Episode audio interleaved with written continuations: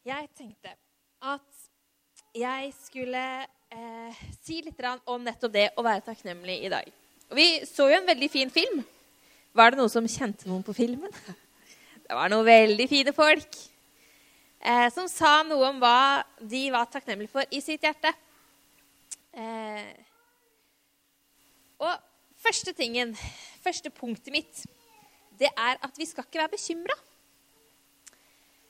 Og da tenkte jeg at jeg skulle lese litt fra Lukas.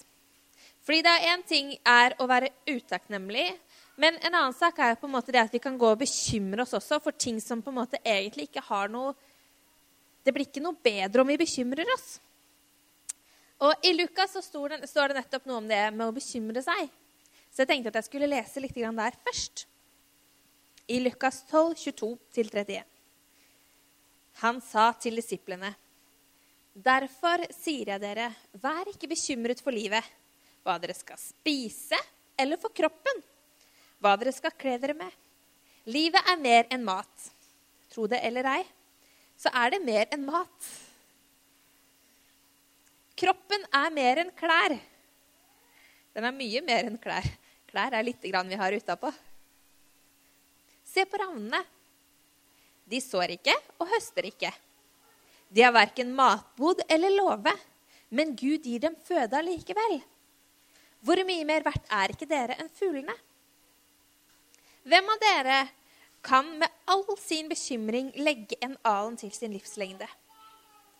Når dere ikke engang makter så lite, hvorfor da bekymre seg for alt dette? Se på liljene, hvordan de vokser. De strever ikke og spinner ikke, men jeg sier dere, selv ikke Salomo i all sin prakt var kledd som en av dem. Jeg tror jeg stopper der. Er det noen som har vært bekymra for noe i sitt liv? Det er noen som har hatt noen bekymringer. Man kan jo være bekymra for om eh, Rekker jeg den bussen eller ikke?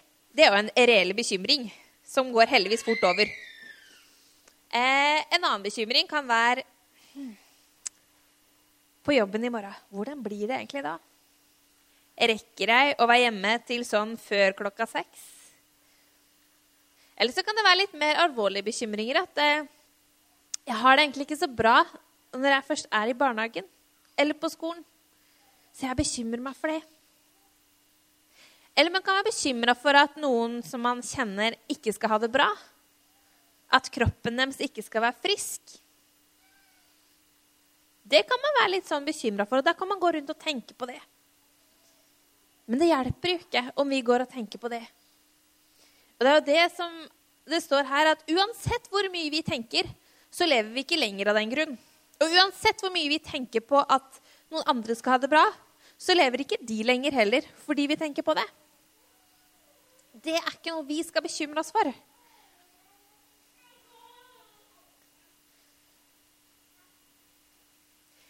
En ting er det vi kan bekymre oss for, men en annen sak er jo det man ønsker seg. Er det noen som har noen ønsker her, da? Jeg skulle bare hatt Maximilian har noe han ønsker seg. Hva er det du ønsker deg, Maximilian? Jeg tror det var noen Lego-brosjyrer som du så på. Noe Lego. Mm. Det var vanskelig å bestemme seg for hvilken han eventuelt ikke skulle ønske seg. Fordi de alle sammen var egentlig veldig fine. Eller som jeg, hvis man går ett og et halvt år tilbake, da. Eller jeg kan si nå, så kan jeg noen ganger ønske meg at åh, tenk så deilig det har vært med en helt flunka ny bil. Vi, vår er ganske ny. Den er ikke helt ny, men en ganske ny bil. Men tenk med en med helt ny, hvor bakviskeren faktisk funker. Det har vært prima. Eller tenk om jeg hadde hatt et stort, deilig vaskerom med masse skuffer og skap, og alt bare lå nesten ferdigvaska før jeg hadde trykka på en knapp. Det hadde vært deilig, det. Men da tenker jeg, hvis jeg, hvis jeg tenker ett og et halvt år tilbake Da hadde jeg ikke bil i det hele tatt, da. Jeg hadde heller ikke noe vaskemaskin engang. For da bodde jeg i Oslo og hadde vaskekjeller med resten av blokka. Så da var det i hvert fall ikke noe skuffer og skap eller noen knapper å trykke på så alt skulle bli ferdig. Men allikevel så ønsker man seg mer. Uansett hvor bra vi har det, så er det alltid noe vi skulle hatt mer av.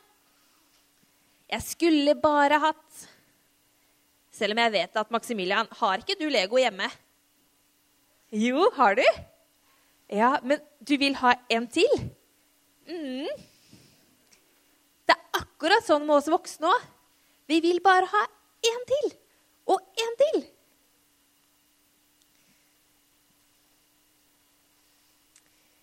Men det kan på en måte bli litt mye hvis den trangen etter alt det vi ikke har, blir så sterk at det er det vi drives av, fremfor å se på hva vi har. Punkt nummer to det er takknemlighet. Er det noen som Er det noen som har vært og sett på et norsk fengsel noen gang? Én, to, tre, fire. Jeg håper ikke at dere sitter inne i det, men dere kan ha vært og sett på det. Nå skal vi få opp et bilde av et fengsel i Norge. Det er i Halden. Så det er veldig skummelt ut. Ser det ikke litt fælt ut å være der? Jo, du tenker stue uten leker. Ah, ah, nicht gut. Men der handler det jo om at man har ikke friheten sin sjøl om man sitter der inne. Men nå skal jeg fortelle dere en liten historie om noen som måtte sitte i et fengsel. Men det var ikke et sånn fengsel. Det var et helt annet type fengsel. Det er for lenge, lenge sia og det er ikke Norge. Kan vi se på neste bilde?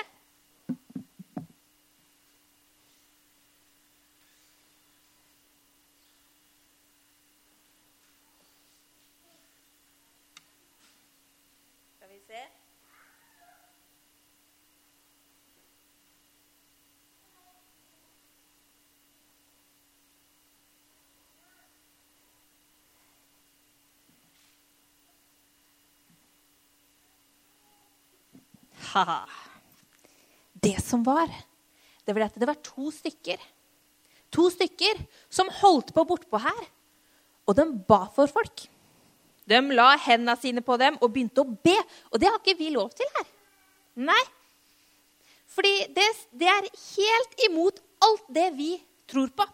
Både lovene våre, det som er lov og ikke lov, men også hva man gjør. For man går ikke rundt og ber for folk. Så derfor så var det sånn at da var det noen folk da, som tok med seg de her to. Det var eh, Paulus og Silas. Tok med seg, med, med seg de to.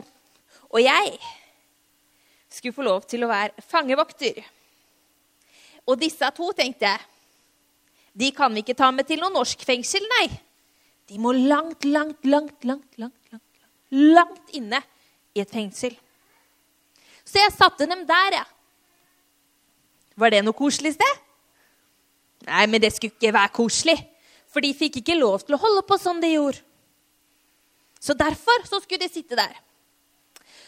Og det var etter at de hadde vært hos dommeren, og etter at alle de andre hadde sagt stygge ting og vært skikkelig slemme mot dem, så satte vi dem i fengselet. Og der skulle de få lov til å sitte skikkelig lenge. Og jeg eh, Jeg tenker jo at jeg er jo en av de flinkeste for det er jeg. Jeg, jeg, jeg. jeg, er ganske flink. Jeg passer godt på, da, kan du si. Men den ene natta så plutselig så var det noe som skjedde. For det som skjedde først, det var det at jeg hadde jo satt dem i den innerste, innerste, innerste, innerste fangehullet for at de skulle ha det skikkelig dårlig. Men vet dere hva de gjorde for noe? Jeg tenkte at nå har de det dårlig nå. Nå er de sikkert kjempelei seg. De har ikke fått noe mat, de har vondt i kroppen sin, det er ikke noe lys eller seng. Nå har de det nok skikkelig kjipt. Men vet du hva de gjorde da? De begynte å takke og be til Gud. De begynte å synge.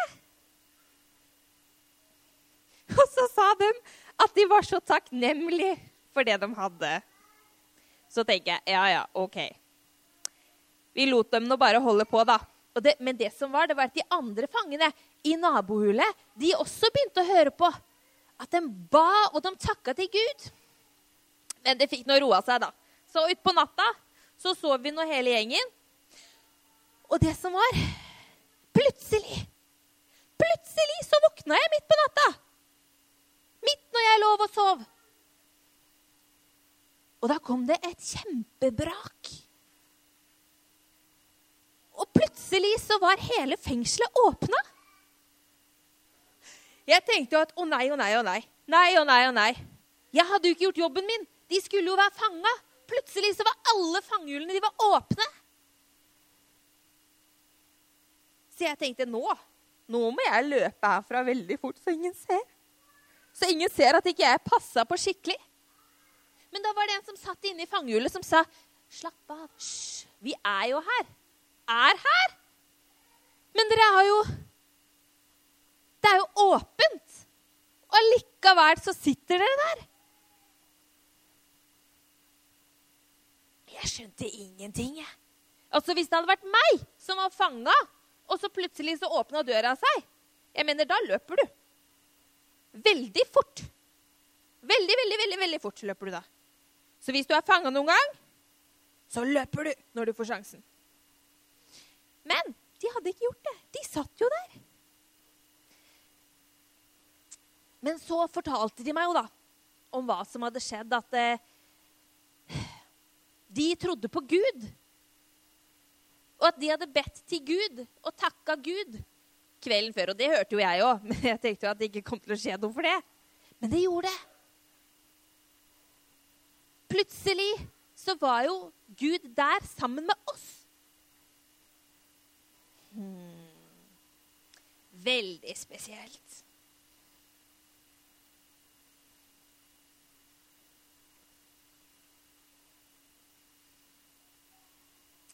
Er det noen som har hørt om Paulus og Silas før? Skal vi se.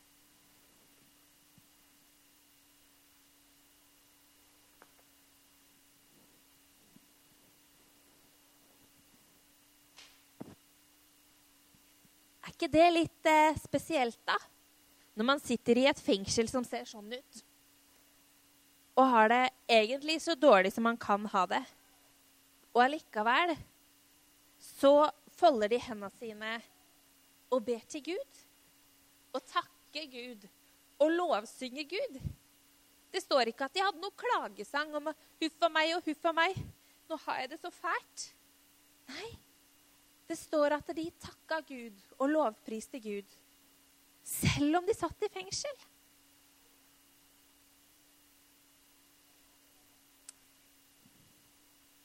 Jeg vet ikke hvordan det er med dere.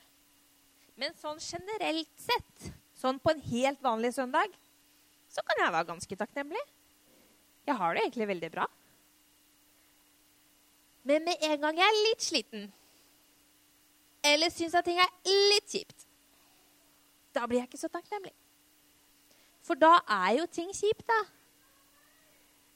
Da er det noe jeg kan klage litt på. Nei, uff, nei. Nå så begynner jeg å hoffe meg litt. Jeg trenger ikke sitte i fengsel engang for det. Jeg trenger bare en litt hard mandag. Og så hoffer jeg litt, fordi nå var det litt tøft. Og jeg sier ikke at det ikke er lov til å klage og hoffe seg litt. Men allikevel så sier jeg at hvis man har alt, og alt er superbra, er det noe å klage på da? Men hvis alt er superbra, da er man jo veldig takknemlig. Da er det jo kjempelett å si 'Å, yes! Jeg har det så bra. Jeg har jo alt jeg ønsker meg.' Da er det jo kjempelett å være takknemlig. Men hva slags konsept er det da, egentlig? Hvis alle kan gjøre det. Hvis det er på en måte Ja, lista ligger ikke så høyt. Du må bare ha alt perfekt. Da ville jo egentlig vært sånn at takknemlighet egentlig ikke er for noen.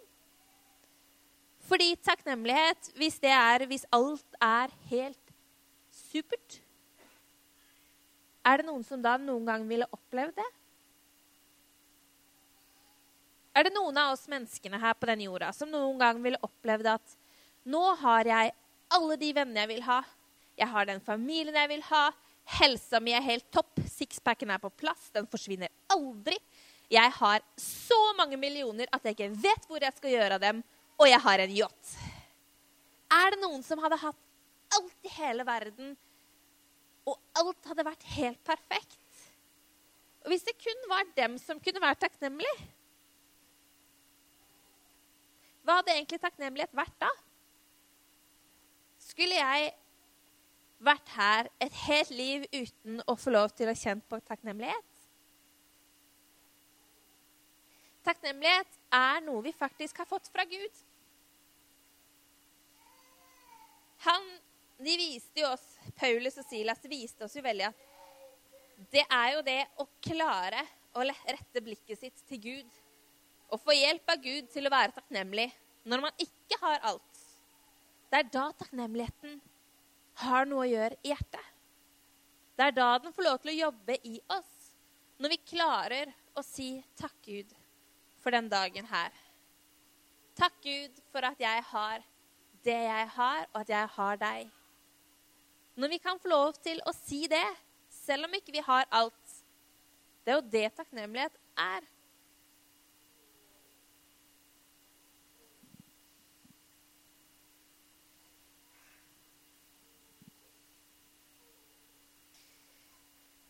Og det er ikke sånn at vi skal klare det i oss sjøl. For jeg tror nok heller ikke at de to gutta som var i fengsel, at de klarte det helt av seg selv. Det er jo noe vi skal få hjelp av Gud til å gjøre. Men vi må allikevel klare å vende blikket fra oss sjøl og opp til Gud når ikke alt er helt perfekt. Det siste punktet, det er nesten en liten setning. Er dere klar for siste punkt? Det var den fortellingen sto der. Velsignet for å være en velsignelse. Velsigna, det er jo et typisk sånn superkristent ord. Men man kan være velsigna på mange måter. Enten kan man være velsigna med at man har mye materielle goder, at man har mye penger f.eks., eller man har et stort hus. Eller man kan være velsigna med et musikktalent. Eller kanskje man bare er velsigna med en lytteevne. Det, det vi har fått, det skal vi få lov til å bruke til å velsigne de andre. Vi skal, det vi har fått, skal vi få lov til å være med og gjøre gode ting for andre med.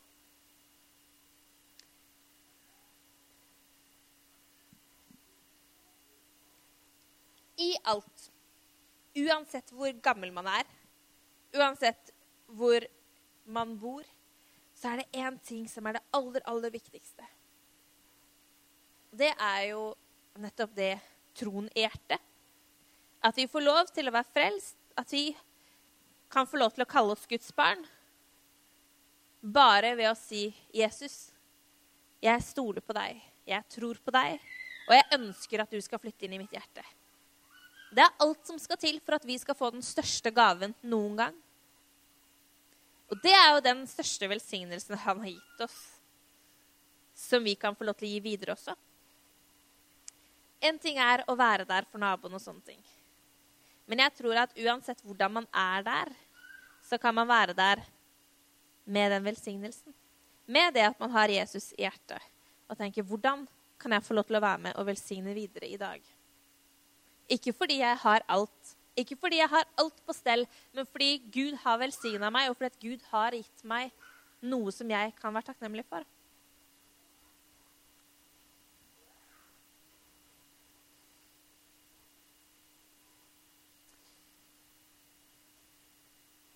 I dag var det altså da tre små punkt. Vær ikke bekymra for hva slags klær du skal ha, hva du skal spise alle de type tingene som vi bekymrer oss for i stort og smått. Det er unødvendig. Vi kan legge det fra oss. Vi trenger heller ikke tenke på hva vi skulle hatt og burde gjort og hatt større og mer av og mindre av og alt mulig. Det viktigste er jo punkt nummer to takknemligheten. Takknemlighet når ikke alt er perfekt. For takknemligheten er ikke noe som har med det å ha det perfekt å gjøre. Da hadde det ikke vært et konsept. Og det siste punktet er vi har fått en velsignelse for å være en velsignelse for andre. Så det du har fått, det kan du få lov til å være med og gi til de andre. Da tenker jeg at jeg vil be en liten kort bønn til slutt. Og tenk på det. Det er ikke for at eh, vi i oss sjøl skal få lov til å prøve alt mulig. Men Silas og Paulus, når de satt i fengsel og hadde det kjipt, så klarte de å rette blikket sitt mot Gud. Om man ikke klarer noe annet, så er det det viktigste og beste vi kan få lov til å gjøre i takknemlighet til Gud. Kjære far, jeg takker deg for at eh, vi får lov til å ha en takkefest hvor vi kan få lov til å takke sammen, Gud. Jeg ber om at eh, vi skal ha en fin stund sammen, og at du skal eh, minne oss på hvor mye vi har å være glad for Gud. Jeg ber også om at du skal hjelpe oss til å gi det videre til de vi har rundt oss. I Jesu navn. Amen.